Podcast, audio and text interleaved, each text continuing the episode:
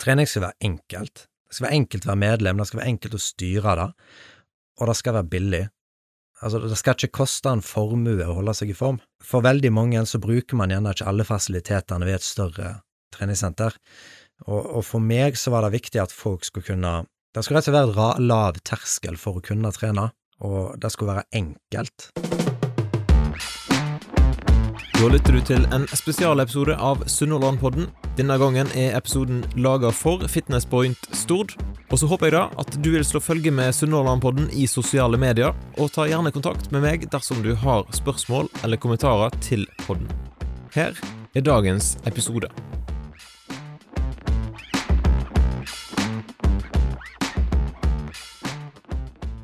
I dag så har jeg fått besøk av eh, kanskje en av de yngste gründerne på Stord, nemlig Håkon Skogseide. Velkommen til Sunnhordlandpodden. Jo, takk for det. Kjekt å være her. Yes. Du driver rett og slett eh, Fitness Point Stord, som nå i mai relanseres med større areal og mer utstyr. Ja, endelig. Etter Ja. så lenge. Masse så er vi endelig klare. Ja, vi, vi begynner iallfall å nærme oss klare. Det har vært en lang prosess som vi har jobba med lenge. Eh, Det har egentlig vært Har vel vært i tankene mine i nærmere to år nå. Eh, Og nå nærmer vi oss endelig det konseptet som jeg har ønska i så mange år. Ja.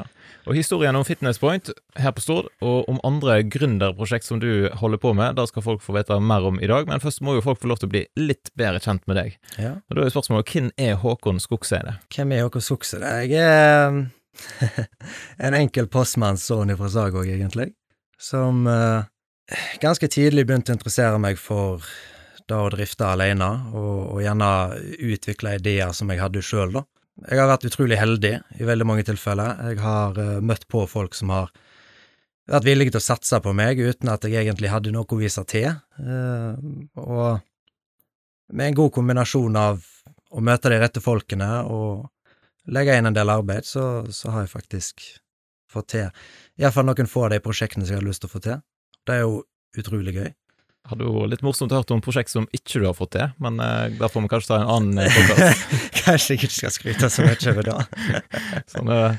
Men jeg har hørt rykter om at du eh, har en fascinasjon for litt sånn tåpelige solbriller. Kan det stemme? Åh, tåpelige solbriller og bøttehatter er jo eh, Det er jo helt fantastisk.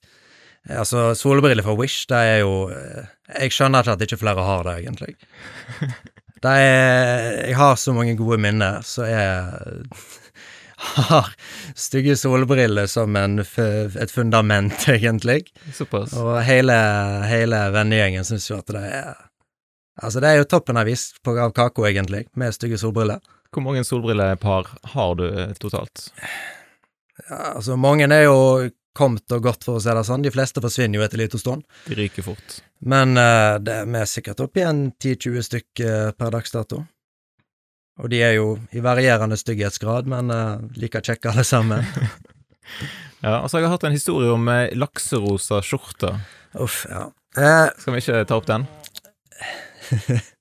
jeg er En sommer to år siden så, så gikk jeg nok og kjøpte en genser som var litt styggere enn det jeg trodde. Eh, og med den kompisgjengen min, så, så får du høre det når du kommer i klær som ikke ser bra ut. Eh, jeg presterte med å møte opp i hvit, eh, hvit bukse og lakserosa genser, og da ble jeg to timer med ja, der jeg fikk gjennomgå for klesvalget, da, egentlig. og det er ikke glemt ennå. Jeg får høre det på jevnlig basis. Men uh, Og nå i podden òg, til og med. Ja, jeg Alt som kommer var vel redd for at det skulle komme. Men eh, du er jo en ganske macho type, det må være lov til å si. Ja, jeg er Glad i trening og glad i motor og Ja, jeg er nok en sånn typisk guttegutt. Eh, en yrkesgutt, for å si det sånn. Kanskje. Ja, men så har jeg òg hørt rykte om at du på kveldstid så kan du kanskje fyre opp litt eh, duftlys og høre på rolig musikk. Ja, altså, eh, Så John? Mayer og Duftlys er jo en, eh, en sikker vinner som jeg ikke skjønner hvorfor flere gutter ikke prøver seg på. Altså, med litt duftlys i rommet, så blir det jo God stemning. det blir god stemning. Sånn, det, Men eh, motorinteressen, da? Når starta den? Jeg tror han starta Det er ett minne som jeg har veldig sånn spesifikt, da, og det var Jeg var nok eh, ni år gammel og på ferie i Danmark, og på TV-en der gikk eh, Fast and Furious-filmen, en av de første filmene. Der var det én bil jeg beit meg spesifikt merke til, og det var Nissan Skyline i den filmen der. Og fra den dagen der så var jeg solgt. Jeg brukte alle friminutter på barneskolen på å snakke om ulike biler, og det døde aldri ut, rett og slett. Etter til hvert som jeg ble eldre, så har jeg hatt forskjellige biler som jeg sjøl syntes er tøffe, blant annet Nissan Skyline til slutt, etter langt om lenge. Det ble kortvarig eierskap, men det var tøft den tida det varte. Hvorfor ble det kort?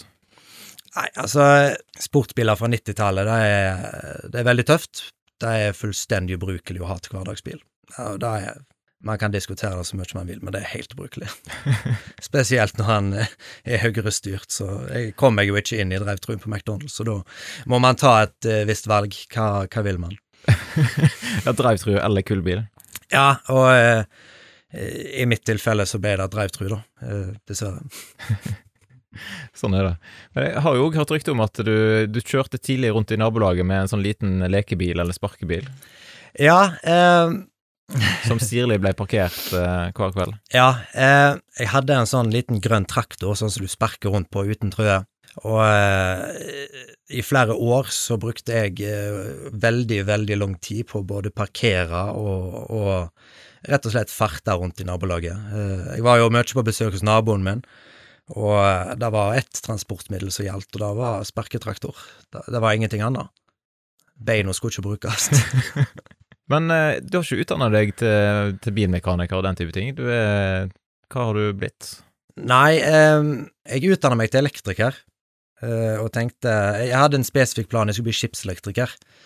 Eh, av to grunner. Det var godt betalt, og det var mye fri. Til mye frem og tilbake så ble jeg jo skipselektriker, og seilte i totalt åtte måneder før jeg kom om bord eh, på juleturnusen Uh, og da hadde jeg gått ei stund og tenkt på er dette det jeg vil, eller er det andre ting jeg vil? Og dag nummer to om bord den turen der, som nok var 17. desember, så ringte jeg til firmaet og sa opp.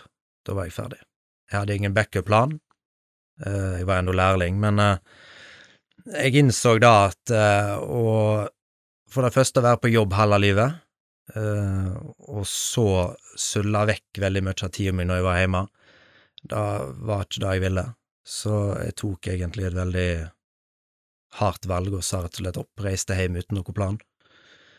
På det tidspunktet hadde jeg jo allerede begynt å jobbe med Fitness Point i et godt halvår i forveien, så vi begynte jo egentlig å nærme oss åpning av Fitness Point, da, uh, og jeg tenkte da at uh, skulle jeg få til fitness Point skikkelig, så måtte jeg være hjemme. Jeg kunne ikke være vekke halve, halve året. Uh, og reiste hjem Tok meg en to måneders fri, rett og slett, og når jeg kom i land, så for jeg til ulike elektrikerfirmaer på Stord og ba min nød om å få lærlingplass, og det fikk jeg. Så de var veldig kjekke på, på byrået, og tok Nei, ikke byrået. Det som en gang var Apply og tok meg inn. Det som i dag er et teknisk byrå. Så ja. der eh, fullførte jeg elektrikerutdanninga mi, da. Ja, Så du har fagbrev i eh, elektro? Ja, jeg har fagbrev i elektro. Da, fullførte jeg. Men interessen for trening, da, den må jo ha kommet ganske tidlig? Den kom egentlig når jeg starta i tiende klasse. Jeg var en veldig, veldig liten fyr, jeg veide 52 kilo. Og eh, jeg dreiv jo med fotball når jeg var yngre, men jeg slutta vel i fjerde klasse, og etter da så ble det mye ja, bare være ute, og når jeg begynte på ungdomsskolen, ble jeg mye spilling. Eh, men jeg, jeg, hadde mye energi som måtte ut, og, og den individualiteten i det med å drive på treningssenter gjorde meg interessert. Så vi var en god gjeng eh, fra klassen som begynte å trene på treningssenter allerede da, og fra den dag så har jeg egentlig trent. Det var det var en frihet i å kunne ta på seg et headset og, og jobbe med meg sjøl og møte alle mulige typer folk på treningssenteret. Jeg skapte meg jo en utrolig vennekrets på treningssenteret, i alle aldersgrupper, og, og, vi ble en god gjeng ganske tidlig som, som holdt lag på trening. Og den sosiale biten har alltid vært veldig viktig for meg. Når kom da drømmen om å starte ditt eget uh, treningssenter? Nei, når jeg uh, Hvor gammel jeg var? Jeg var vel slutten av 18-årene så, så, begynte jeg liksom å leke litt med tanken, sant, om det hadde vært tøft å ha noe for seg sjøl, og kunne ta alle disse ideene jeg har, og, sette de ut i spill, og, og se om alle andre liker det jeg syns er kult. Så begynte jeg og Sigurd Almås, da, som jeg starta Fitnessport med, vi begynte å spille ball litt på kveldene, og snakket om alt ifra hva utstyr vi ville ha, til hva musikk som skulle spilles, hva bilder som skulle være på veggene. Eh, jeg husker vi snakket til og med ned om sånne små detaljer, som hvordan såpedispenseren skulle være. Såpass, ja. Eh, og sånn gikk det liksom fram og tilbake lenge, da, og jeg, jeg lekte liksom med tanken veldig. Men, men, det var jo ikke alvor i det. På et tidspunkt så fant jeg ut da at eh, det hadde vært tøft å få seg et lite personlig treningsrom som jeg og kompisene mine kunne vært i, typ 50 kvadrat. Kjøpe inn litt brukt treningsutstyr, og så, så er hele gjengen der istedenfor. Der kan vi styre på som vi vil, og vi kan ha det musikken vi vil, sant. En kveld så tenkte jeg at søren, vi kan jo sjekke mulighetene, kanskje det er et lokale der ute som koster par tusen kroner, sant, så kan vi chippe inn 500 kroner hver, og så har vi eget treningssenter, sant. Jeg gikk ut på Facebook og spurte om noen hadde lokale, og så ble jeg anbefalt å snakke med Store Engevik, da. Kontakta han, og eh, jeg og Sigurd for på et lite møte med han, da bare for å høre om han kanskje hadde noe. Og um, etter en god time fram og tilbake, da, så fant vi vel ut at uh, vi hadde ikke råd til det, eller vi var ikke villige til å betale det det ville koste å ha et sånt lokale. Uh, og ballen ble spilt litt fram og tilbake, og vi kom tilbake til at uh, jeg skulle reise en tur på sjøen, og så når jeg kom tilbake, så skulle vi snakkes igjen, da. Jeg reiste til sjøs og kom tilbake, og vi satte opp et nytt møte med Store, og han smelte plutselig ideen i bordet med at skal vi starte eget treningssenter. skal vi bare starta treningssenter, jeg har lokale. Dere kan drifte. Eh, og for meg som meg og Sigurd for den del, som aldri på en måte har vært i et formelt møte og gått alvorlig inn i noe annet enn jobbintervju, egentlig, så var det veldig stort. Og, og klart det girte oss opp noe helt sinnssykt. Jeg husker jeg følte meg Alt var så stort plutselig. Det var veldig spennende. Ja, for da var du sånn cirka 19 år, eller 18? Jeg var vel enda 18, og jeg husker da at det var jo kjempestort. Oi, skal vi starte treningssenter nå? Uh, men så lekte vi litt med ideen og tenkte da at ok, uh, her har vi en stabil person vi kan samarbeide med. Vi har mye erfaring, og, og vi får på en måte mer i oppdrag å bare få inn folk og bygge et miljø og passe på at ting går rundt. Og da var jo en sikkerhet i det hele. Ehm, så etter litt møte fram og tilbake, så kom vi egentlig fram til det at eh, vi går for dette her, da. Og det var et par måneder i forveien før jeg sa opp. Og vi satte i gang eh, arbeidet med treningssenteret. Han tok seg så klart av alt teknisk rundt lokaler og bygging og kontrakter og sånn så der, og så fikk jeg i oppdrag å finne utstyr vi skulle ha. Det var jo så klart en drømmesituasjon for Håkon 18 år, som alltid hadde drømt om å ha eget treningssenter, at jeg skulle få lov til å plukke utstyr nett som jeg ville. Og så gikk egentlig ting forholdsvis på skinner. Vi jobba jevnt og trutt hadde et møte her og der, og, og før jeg visste ordet, så var det jul. Lokalet var jo blitt klart, og, og planen var egentlig å åpne i april. Eh, og da kom jeg til det veiskillet der jeg bestemte meg for at jeg vil ikke være på sjøen, det er ikke det jeg vil bruke livet mitt på. Jeg, jeg vil gjøre dette her, og jeg vil få det til. Så da sa jeg opp og reiste hjem. Og en liten stund etter jeg kom hjem, så, så åpna vi jo senteret, og vi fikk jo enorm oppslutning med en gang. Altså, alle kompisene mine fra trening og folk som kjente oss, begynte jo med en gang. Vi fikk eh, enorm støtte fra folk vi kjente, da. Mm. Så det gikk over stokk og stein, hele greia, følte jeg da, på mange måter, men det gikk veldig greit. Veldig mange av de som hadde kjent tidligere, var veldig flinke på å hjelpe oss, og, og vi fikk god hjelp fra medlemmer, egentlig. Og så klart så var det godt å ha noen i ryggen som, som hadde kontroll, når vi Jeg skulle jo fortsette som lærling, og, og det skulle Sigurd òg, så, så vi var heldige, egentlig, på veldig mange måter. Men dere kobler dere opp mot noe som heter Fitness Point, det er en sånn franchisemodell. Hvordan fungerer det? Ja, det er franchise, og det er egentlig veldig greit. Um, de tar seg av alt av datasystemer og reglement og innmelding og utmelding og sånn som så det, og så har vi egentlig som oppgave å, å forme treningssenteret, skape miljøet og, og, ha kundeservice, rett og slett. Da. Men det er veldig godt å ha et velfungerende og godt system i ryggen. Og så er det godt å ha noen som har vært i bransjen lenge, som man kan ringe til og, og sperre ideer med, da, rett og slett og få gode råd fra noen som har erfaring fra andre treningssenter. Du slipper å prøve ting helt uten noe eh, i grunn, da, kan du si.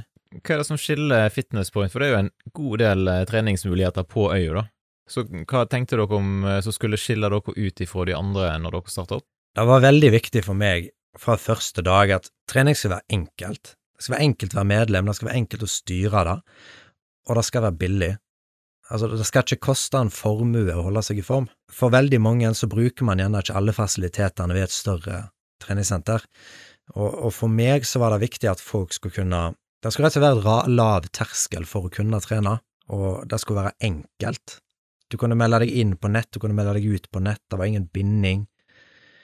Du slapp all PC med å møte opp og få deg et adgangskort som du mista. Eh, du lasta ned en app, meldte deg inn på nett.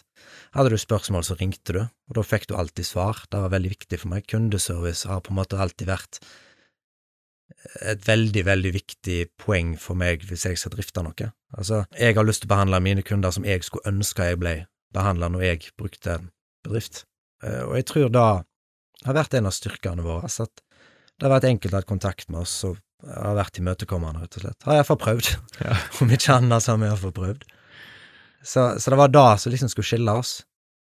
Og, og så var det en annen ting som var veldig viktig for meg, det var at kundene skulle kunne være med på å forme treningssenteret etter hvert. For vi startet med et veldig lite treningssenter, altså det var det minste treningssenteret på hele Stord. Vi hadde minst utstyr, vi hadde minst lokaler, eh, men der igjen så hadde vi innendørs fotballbane, vi hadde squashbane, og det har vi ennå. Nå har dessverre fotballbanen forsvunnet sammen med utbyggingen, men vi har ennå squashbanen vår. Så det var en litt annen Det var et litt annet konsept, det var mer et sportssenter enn et rent treningssenter med vekter. Du skulle kunne komme der som både ung og, ung og gammel, og, og, finne noe som du kunne drive med, da, uten at du ble uglesett eller ikke passet inn. Så jeg tror det skilte oss litt fra de andre, og jeg tror det var, tror det var et friskt pust i, i tilbudet på Stord, da. Men sånn som den squashbanen, er det òg inkludert i medlemskapet, eller er det sånn du kjøper plass i tillegg? Nei, squashbanen kan hvem som helst booke. Den booker du bare på nett. Det er veldig greit, fordi jeg veit at det er mange voksne som gjerne ikke har lyst til å trene på treningssenter, men de har lyst til å spille squash med kollegaen sin eller kona, eller, eller gjøre noe annet enn å gå tur i skogen. Og vi ser jo da i dag at det er veldig mange voksne som syns det er veldig gøy å spille squash. Det var jo et squashmiljø på Stord for mange år tilbake siden, men, men squash var dessverre ikke i bruk. Eh, så vi ser da at det er veldig mange voksne spesielt som, som syns det er kjekt å komme et par kvelder i uka og ha seg ei god treningsøkt, eller til å bare spille litt på grunn av at det er gøy. Og det, det var litt viktig at du da ikke skulle måtte være medlem. Det skulle være åpent for hvem som helst. Ja, Så da kan du enten booke det bare som enkelttimer, eller du kan du har det som inkludert i medlemskapet, eller misforsto jeg feil? Vi har det ikke inkludert i medlemskapet i dag. Nei. Jeg, har, jeg leker litt med ideen, kanskje det kommer, men per dags dato så, så kan hvem som helst booke det på nett, og, og, da får de tilgang til treningssenteret og squashbanen. Men cagefotballen, den røk? Dessverre. Er det noen som blir veldig lei seg nå? Jeg vet en gjeng som blir veldig lei seg, eller jeg vet flere gjenger som blir veldig lei seg, men jeg måtte rett og slett bestemme hva skulle dette være, og med den pågangen vi har på treningssentersdelen av konseptet, så, så ble det rett og slett for lite. Jeg håper nå på at vi kan få opp banen en annen plass på Stord, men det er ikke alltid like lett å finne et innendørslokale som er stort nok og har takhøyde. Men vi prøver. Jeg tror da at vi kommer til å komme med et godt tilbud som kan dekke ei større målgruppe med det nye senteret. Altså, vi blir dobbelt så store som vi har vært tidligere, og det som er litt spesielt med utbyggingen nå, er da at dette er egentlig noe medlemmene har bestemt. Eh, før jul, før bestilling av utstyr, så la vi ut en undersøkelse på, på Facebook, der hvem som helst kunne gå inn og bestemme. Eh, og der kunne de stemme på hva utstyr de ville ha, hva type design de ville ha på senteret, om de ville ha spesifikke ting som boksesekker eller spinninghall, eller hva de ville ha. Eh, og så la meg åpen kommentar de kunne legge inn, da. Så da utstyret som er bestilt i dag, og da designet jeg har gått for i dag, da er jeg faktisk rett og slett bestemt utelukkende av 110 personer som har vært inne og lagt inn sine svar på hva de ønsker, da. Så har jeg gått ut ifra det som har fått flest stemmer. Så på mange måter så, så er det jo dette senteret kundene har fått har bedt om å få. Og da er litt, eh, det er litt kjekt for meg at det er ikke bare mine ideer som får lov til å komme til ordet, men òg medlemmene. Men sånne klassiske gruppetimer og sånn, da kjører ikke dere? Nei, per dags dato, altså til nå så har vi ikke hatt det. Um, konseptet vårt har vært et egentreningskonsept. Uh, men jeg kan jo røpe at jeg nå har bygd et rom som egentlig er tilpassa for det, da, og jeg har det i tankene. Uh, så jeg er fullt åpen for at folk tar kontakt, og hvis de har lyst til å ha gruppetimer hos oss på de nye rommene våre, så er jeg fullt åpen for det. Så er det mulig. Det er viktig for meg å tilby det som kundene vil ha, og hvis jeg får innspill på hva man vil ha, så er jeg veldig med på å spille ball. Det er litt derfor jeg har bygd, bygd treningssenter som jeg gjør nå, da. Tilbyr dere PT-timer og sånn? Er det, er det, du som går rundt og hjelper folk? Da? Du ser jo ut som du kunne klart å, å gi noen tips. Ja, jeg, jeg, har gjort det sånn til nå at jeg, jeg ber du meg om tips, så får du tips. Men uh, jeg har ikke tilbudt uh, klassisk PT-timer, da.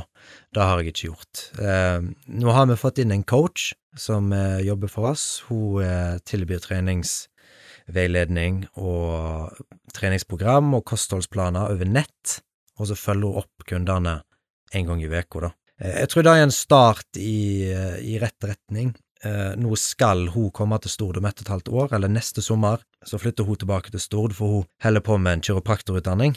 Eh, og når hun kommer tilbake, så håper vi jo på å kunne utvide til et mer spesifikt tilbud, da. Både på gruppetimer og, og gjerne spesifikke kurs som går på kosthold eller treningsveiledning, eh, skadeforebygging, ting som er interessant for, for kunder som driver med trening, da. Og gjerne PT-timer òg.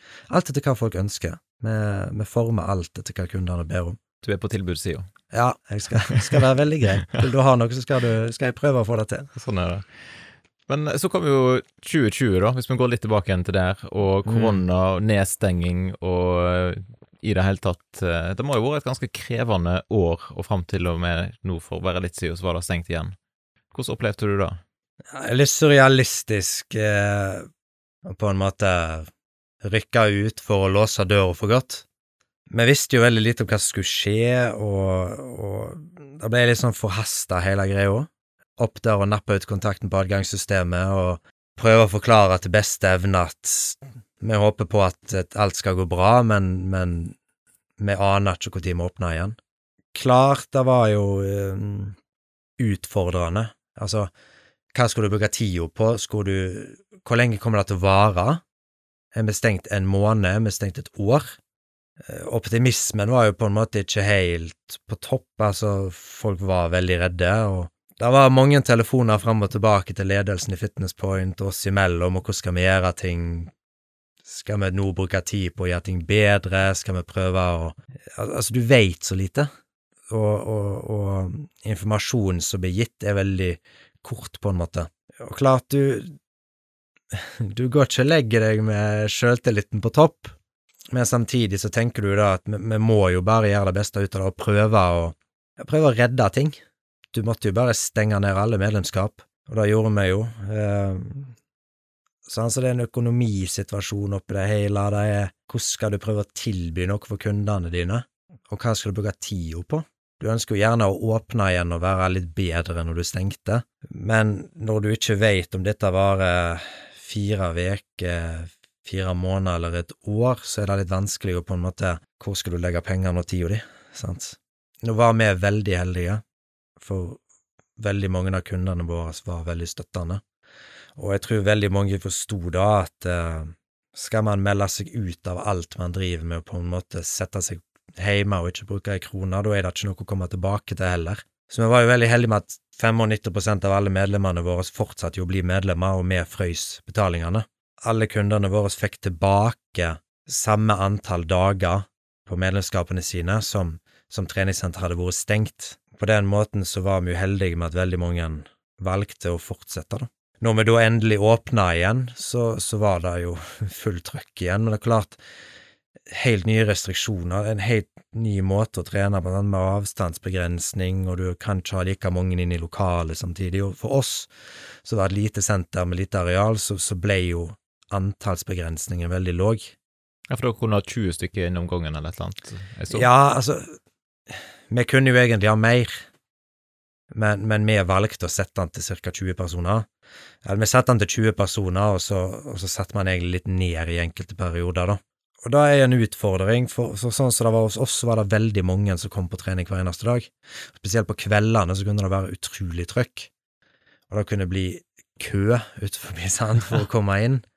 Og det er veldig, veldig kjipt for meg å stå der og, og, og på en måte se at det gjerne sitter fem stykker utenfor og venter, og de vet ikke om de må vente i fem minutter eller 50 minutter.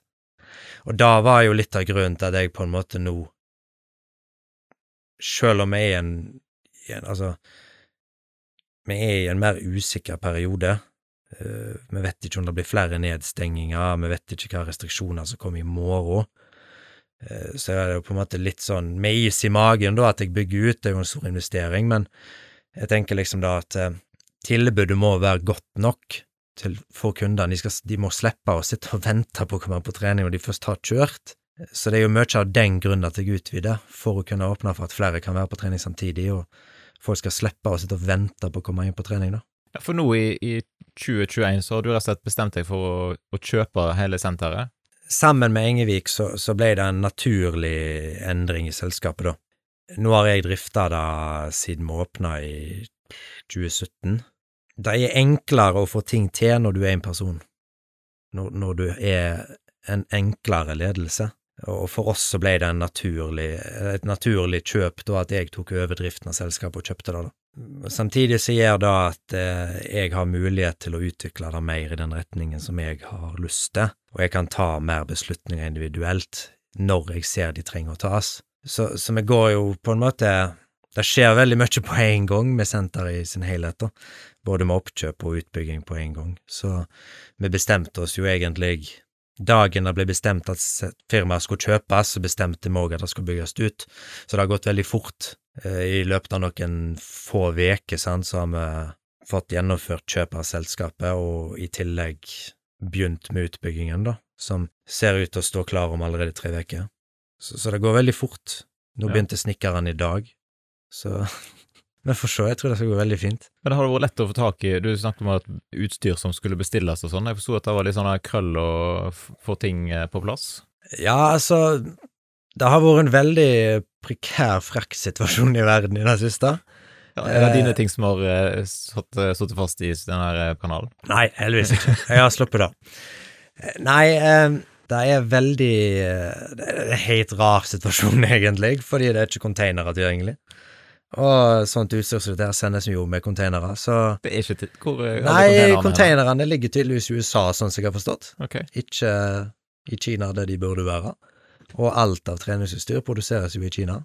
Om du bestiller en eller det andre merket, så hjelper det ikke på. Eh, så jeg har jo rett og slett måttet bestille noe utstyr fra Finland, og noe fra England, og noe fra Kina, og litt, litt etter hva eh, leveringstid jeg kan godta. Eh, så utbyggingen nå kommer i to deler, da. Det kommer én førstelevering nå eh, ved ca. cirka ved månedsskiftet. Da kommer det utstyr fra Rogue, og så kommer det en del av det utstyret som, som vi har på lager allerede, da. Og så kommer det en levering i sommer, med nye tredemøller og litt mer spesifikke maskiner, da, som ikke var på lager. Så det blir en sånn todelt greie, da. Eh, men jeg tror det blir Jeg tror det kommer til å funke veldig greit. Da, da, får vi inn en del utstyr i starten, og, og får testa litt hvordan vi skal For bare det å plassere utstyr er jo en kunst. Jeg har jo prøvd uh, Den utstyrspakken jeg har nå, har jeg jo uh, omrokert på fem ganger eller noe sånt siden vi åpna. Uh, og du finner alltid liksom små endringer du kan gjøre som gjør at det blir litt bedre for kunden. Er det noen nye på en måte, apparat eller ting som dere ikke har hatt før, som dere nå får inn? Ganske mye, egentlig. jeg har bestilt litt utstyr som mer av litt utstyr som jeg ser er veldig mye i bruk, og, og som kanskje har fått gjennomgå litt, rett og slett, opp under årene. Eh, så noe av utstyr så får vi dobbelt opp, og noe av utstyret kommer helt nytt, eh, som vi ikke har fra før av, da. Hva er det som er mest populært, bli, eller som blir brukt mest? Vi har jo veldig mye aktivitet. Knebøystativene våre er jo veldig mye De er så mye brukt nå at de begynner å bli utslitt etter et par år. Det er jo stål, den greia der, da, så jeg skjønner ikke at den kan bli utslitt, men de er faktisk utslitt. Det kom nye benkpresser, de er jo mye i bruk. Det kom nye kabelmaskiner, som er veldig mye i bruk. Eh, nye vekter kommer da, det kommer nye tredemøller, det kommer innendørs grasbane. Det, kommer veldig mye, da. Det er litt vanskelig å gå gjennom. Jeg tror lista er på 35 forskjellige ting. Såpass. Så hun er lang. Eh, Men jeg, jeg tror Jeg har brukt lang tid på det, og jeg tror da at med denne oppgraderingen her, så, så har vi på en måte alt du kan ønske. Iallfall nærme, da, iallfall. Håper jeg. Så, så jeg tror eh, Jeg tror jeg gjør senteret klart for en veldig brei kundegruppe, da, både voksne og unge. Og samtidig så jeg, prøver jeg iallfall å løse problemet med at du skal slippe å stå i kø på ting, iallfall. Men det må være lov til å si at du er jo relativt ung, sant? Eh, 23? Ja, jeg ble akkurat 24 forrige 24. Så, sånn er det. Men 24, da. Og du satser forholdsvis stort og offensivt nå, eh, og har òg andre prosjekt på gang. Eh, Sover du godt om natta, på en måte? Du har ganske lite sånn risikoavers. Jeg har aldri vært god på risikoanalyse, da.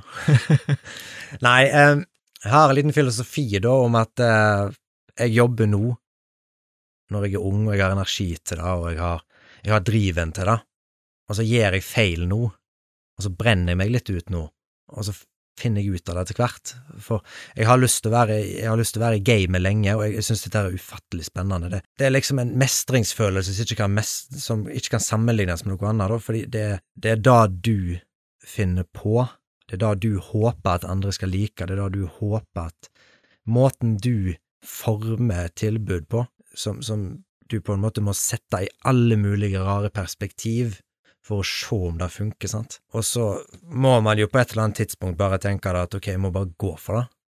Jeg må bare prøve. Går det bra, så kjempegreier, da, da, da har jeg gjort rett, men, men går det dårlig, så, så må jeg på en måte bare finne en ny vei å gå. Endre litt på det, gjøre noe litt annerledes, finne ut hva er det som gjør at folk ikke liker det. Og det er noe som gir meg på en måte en utømmelig pågangsmot, da. Men klart, det er enkelte kvelder der du ligger og tenker hvorfor gjør jeg dette her? Hvorfor går ikke jeg hjem klokka tre og ikke tenker på jobben min engang, men, men du er på jobb hele tida? Kundeservicen min er, har på en måte blitt 24-7.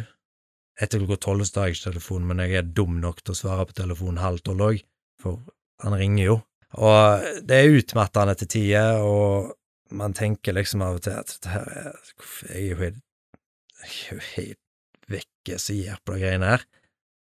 Men når du står opp dagen etterpå og du er uthvilt, så er du på en måte bare klar for en ny dag. Og den følelsen, å kunne stå opp om morgenen og, og på en måte være gira på det du skal ta for deg, det kan ikke sammenlignes med noe. Det kan ingen ta ifra meg, på en måte. Den er det som gjør at jeg ikke klarer å gi meg, da, kan du si. Vi må jo snakke litt om andre prosjekt du har på gang, for det er ikke kun Fitness Point her på Stord som du styrer på med, men- det har òg noe som heter digituning. Ja. Jeg hadde to interesser på den tida. da Jeg sta- starta begge disse to selskapene på likt, etter at jeg slutta på sjøen. Og Den ene interessen min var jo trening, og den andre var bil. Motor. Alt som, alt som gikk fort, eller lagde lyd, eller var kult. Så jeg begynte å Jeg starta et firma der, der jeg drev med, med tuning av motorer, da, rett og slett. Og i dag så, så driver jeg egentlig hovedsakelig med båtmotorer. Utrolig spennende tema. Altså, det Du får Og det som er så, så gøy med det, da, er da at jeg får Jeg får bruke interessen min for motor, interessen min for, for data, og jeg får møte og reise Jeg får møte, reise rundt og se utrolig masse spennende plasser som jeg aldri hadde enda opp med å se hvis jeg ikke hadde drevet med dette her. Og jeg får møte folk i alle aldre, med alle mulige rare yrker og interesser. Men det som er spesielt, er at de fleste kundene mine har den samme interesse som meg, og det er motor. Ting som går fort, eh, ting som fungerer bra.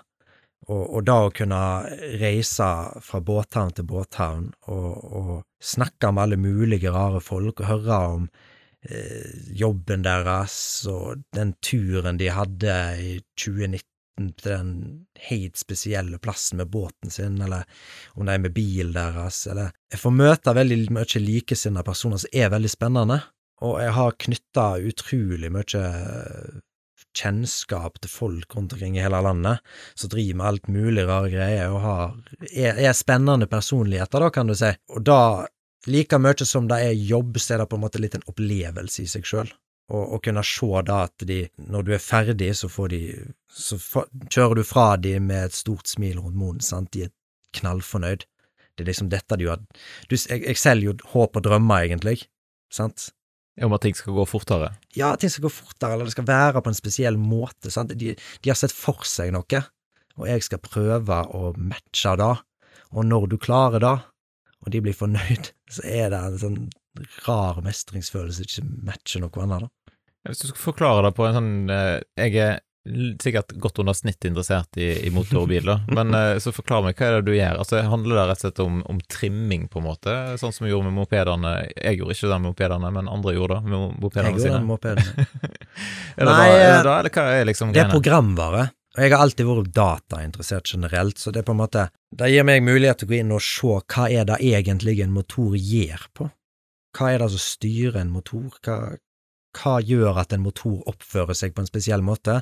Og så kan jeg gå inn og endre på det. Jeg kan gå inn og legge inn mine rett og slett endringer da, på en programvare som gjør at en motor oppfører seg på en spesifikk måte. da. Og Det synes jeg er veldig spennende å kunne på en måte knekke koden. Hvordan skal jeg få denne påhengsmotoren til å gå litt fortere, eller bruke litt mindre bensin, eller være litt sterkere? Få denne båten til å gå tre knopper ekstra, sant, for det er da den kunden ønsker. Eller eh, Ja, det, det er rett og slett En slags elektronikk. En, en slags hacking av Ja, om du kan, du kan se på det sånn, på en måte. Du gjør endringer i en programvare, da, og så får du den til å gjøre et eller annet spesielt som du har hatt i tankene når du gjorde de endringene, da, kan du si. Det er vanskelig å forklare. Sånn. Jeg har jo en, en fin eh, Toyota Corolla 1996-modell stående ute. Jeg tenkte jeg skulle spørre om det var noe håp for den med noe digituning, på en måte. Men eh, når du snakker om programvare, ja, det er vel kanskje ikke så mange programmer inni der at å noe? Et, et, akkurat den så må jeg vel ærlig si at det kanskje ikke har vært pengene. Nei, sant. Men altså, det er, det er mange der ute som har den interessen. Det, det er mange bilinteresserte og båtinteresserte der ute som gjerne har vokst opp med en drøm om en spesifikk bil, og, og hvis jeg da kan Eller en spesifikk båt, for den del, sant? Og for noen så handler det rett og slett bare om at det skal være så bra som mulig for det det er, og det er Det er veldig spennende å jobbe med. Hvis du tar litt sånn overordna blikk, da, hvordan opplever du da å være ung eh, gründer her i Sunnhordland? Jeg tror Sunnhordland er en god plass å være gründer. Jeg tror det. Vi har Jeg føler iallfall at vi har et, egentlig et ganske spirende næringsliv, med småbedrifter spesielt. Eh, og jeg, jeg syns liksom samme hvor jeg snur meg, så finner du små bedrifter med utrolig flinke drift, pådrivere, altså folk som brenner for det de driver med. Eh, og, og veldig mange har utpekt seg som ufattelig flinke inne på sitt felt. Og det er jo jeg tror, mange, jeg tror det er få plasser som Stord der så mange bedrifter på en måte har greid å gå fra den der lille drømmen til noe skikkelig, noe stort, kan du si. Og jeg tror da at eh, måten vi er på Stord, der vi kjenner mange, vi er litt åpne, vi snakker, gjør at det er lett å knytte bånd og finne personer som kan være viktige for deg sjøl hvis du skal drifte noe. Eh, Jeg ser liksom da at jeg, jeg kjenner liksom folk innen alle mulige rare bransjer. Og, og som gründer så er det veldig viktig å huske på det at man klarer ikke dette alene. Jeg tror den største fallgruva folk går i, det er å tro at de skal klare alt sammen alene, for det gjør du ikke. Du trenger gode folk rundt deg, du trenger folk som støtter deg, du trenger folk du kan lene deg på når kanskje ikke alt går din vei, for det gjør det ikke alltid. Du møter på eh, problemer, og da er det viktig å ha noen du kan lene seg på, jeg føler at næringslivet på Stord er veldig åpne for å, å, å hjelpe til. Det er iallfall min erfaring, at folk er, er villige til å hjelpe hvis det trengs. Hva vil du si er det viktigste da du har lært i disse årene som du har holdt på? Ikke gi seg. Det er litt sånn klisjé. Du skal ikke gi deg. Av og til så skal du gi deg, men så må du bare innse at dette går ikke. Men eh, jeg tror det er veldig viktig da der å, å sette seg ned og tenke gjennom det man har lyst til å gjøre, og på en måte se det fra alle mulige rare vinkler, og prøve å perfeksjonere det litt, men så er det òg samtidig viktig å på en måte bare begynne. Har du noe du føler du er god på, eller du, du kan tilby bedre enn noen andre, så snakk med noen du kjenner, prøv å få en følelse, liksom, på er det noen som har lyst til dette her, og så prøv. Prøv i det små, se om du kan få det til i tillegg til jobben din, prøv deg fram. Og så er det viktig det der å, å satse, for folk ser det når du satser, og så vær, bare vær bedre enn de andre. Iallfall prøv så godt du kan å være, være den beste, det beste produktet, kan du si. Og om det er grafisk design du driver med, eller fotografering, eller ja, hva enn det er, prøv å tilby noe som er unikt, som, som du sjøl hadde ville kjøpt, eller, eller et tilbud du sjøl ville brukt. Til slutt, da, eh, hvis vi tar det tilbake til trening, hvis eh, folk har lytta gjennom helt til nå, da, og så lurer de på hvordan i all verden skal en komme i gang med treningen sin, hva er dine beste tips? Jeg tror det er veldig viktig å, på en måte Skal man begynne helt fra start, det første gang man skal begynne med trening, så tror jeg det er viktig å holde det litt enkelt. Altså, man trenger ikke være verdensmester første veka. Og, og, tre økter i uka er mer enn nok for de fleste i starten. Det er nok til at du kommer inn i en god rytme, men, men du brenner deg ikke ut, det blir ikke for tungt i starten. Det er viktig å ikke gape over for mye, for mye. Og det tror jeg er viktig på veldig mange aspekter i livet, ikke gape over for mye. Det vil ikke holde i lengden. Jeg tror at du skal prøve å finne noe som interesserer deg, om det er en sport eller aktivitet du synes det er spennende, så gjerne prøve å rette treninga litt til det. At det ikke bare blir å gå på gå på trening bare for å trene. Kanskje prøv å trene deg til noe spesielt, om du har lyst til å springe lenger, eller om du har lyst til å prøve deg på friidrett, eller hva du har lyst til å prøve på, så tror jeg det kan være viktig å på en måte balansere ting litt. Og så tror jeg det er viktig å huske da at, at det har lang tid å bli verdensmester, og du kommer ikke langt hvis du ikke ber om litt råd, og fra folk du kjenner, en personlig trener, en, en, coach, noen som kan hjelpe deg med noe du sjøl kanskje ikke, ikke kan, og, og, ikke være redd for å be om hjelp, for de fleste som driver med trening, er fullt åpne for å hjelpe, og de fleste som driver med trening, er veldig hyggelige folk. Du ser da gang på gang at folk som trener på treningsstudio, er, de er knallkjekke folk, for de er der av samme grunn. De òg har lyst til å ha seg et sosialt nettverk, de har lyst til å bli kjent med nye folk, og, og treningssenter er jo en veldig sosial plass, det har jeg iallfall sett hos oss, at veldig mange av vennene mine er jo folk som jeg har møtt på trening, som jeg har snakket med litt i starten, og så har det blitt mer og mer, og til slutt så ser vi hverandre omtrent hver eneste dag, sant. Det er veldig gøy. Så tror jeg det er viktig å begynne litt i det små. Finn noen øvelser som du mestrer, og som du syns er gøy, og så gjør de. Ikke, ikke gå på nett og finn et superavansert program som du ikke helt får til, bare fordi at personen som står bak da er veldig godt trent, for, for de har kanskje holdt på i 15 år. Prøv deg litt fram, prøv, prøv litt enkelt. Og så tror jeg det viktigste som veldig mange kanskje unnlater å gjøre, er å varme skikkelig opp og tøye litt før de begynner å trene, ikke etter. For å få kroppen litt i gang og unngå at du Unngå at du kommer i gang, og så får du skade før du kommer skikkelig inn i det. Jeg tror det å tøye er, er liksom en sånn hellig gral som veldig mange glemmer litt ut, da. Ja, men Supert. Jeg tror det var veldig mange gode råd til å komme i gang der. Og hvis eh, folk har lyst til å følge med på, på Fitness Point, da, eller på, på deg eh, og Digituning, hvor, eh, hvor er de lureste plassene folk kan slå følge? Nei, Facebook er en veldig grei plass. Jeg prøver å oppdatere, men jeg er ikke alltid like god. Unnskyld. Men eh, på Facebook så finner du oss under Fitnesspod Stord. Om du har lyst til å følge litt mer på de andre tingene jeg driver med, så, så kan man søke opp Digituning AS eller marinechiptuning.com. Der prøver jeg å være litt mer aktiv. Hvis ikke så har vi òg eh, Instagram-kontoer på akkurat de samme navnene. Der prøver jeg å være litt mer aktiv. Og ellers så er det vil man inn og kikke, for eksempel, eller man har spørsmål, så, så, er det bare til å ta kontakt. Send en melding på Facebook, så skal man gjerne få lov til å komme inn og, og kikke. Og, og, trenger man litt hjelp til å komme i gang, eller trenger hjelp til å kanskje gire opp litt ekstra før sommeren, så, så har vi noen coach som kan hjelpe òg, som tilpasser veldig, veldig godt. Nå har jeg kjørt et program med henne sjøl, og det er veldig godt å få friska opp på ting du kanskje har kjørt deg litt inn i et gammelt spor, få inn litt eh, friske tanker og gode råd, da, rett og slett, både på, på det jeg spiser og, og hvordan jeg trener, da. Så det går tilbake til det, vær åpen for å ta imot hjelp, for vi er ingen verdensmestere, og vi trenger alltid, alle sammen, litt hjelp en gang iblant, for Yes. å bli bedre. Ja, men Bra. Da sier vi rett og slett bare tusen takk for at du var med her i Sunnhordlandpodden, og så ønsker vi lykke til med ny åpning, og håper at alt eh, kommer på plass. Jo, Tusen takk. Da gjenstår det bare å si tusen takk for at du lytta til Sunnhordlandpodden. Og husk da, denne gangen så var episoden laga for Fitness Point Stord. Vil din bedrift lage en spesialepisode i Sunnhordlandpodden? Da er det bare å ta kontakt, så skal vi se om ikke det er mulig å få til. Da ønsker jeg deg en fin dag, og så poddes vi plutselig igjen neste uke.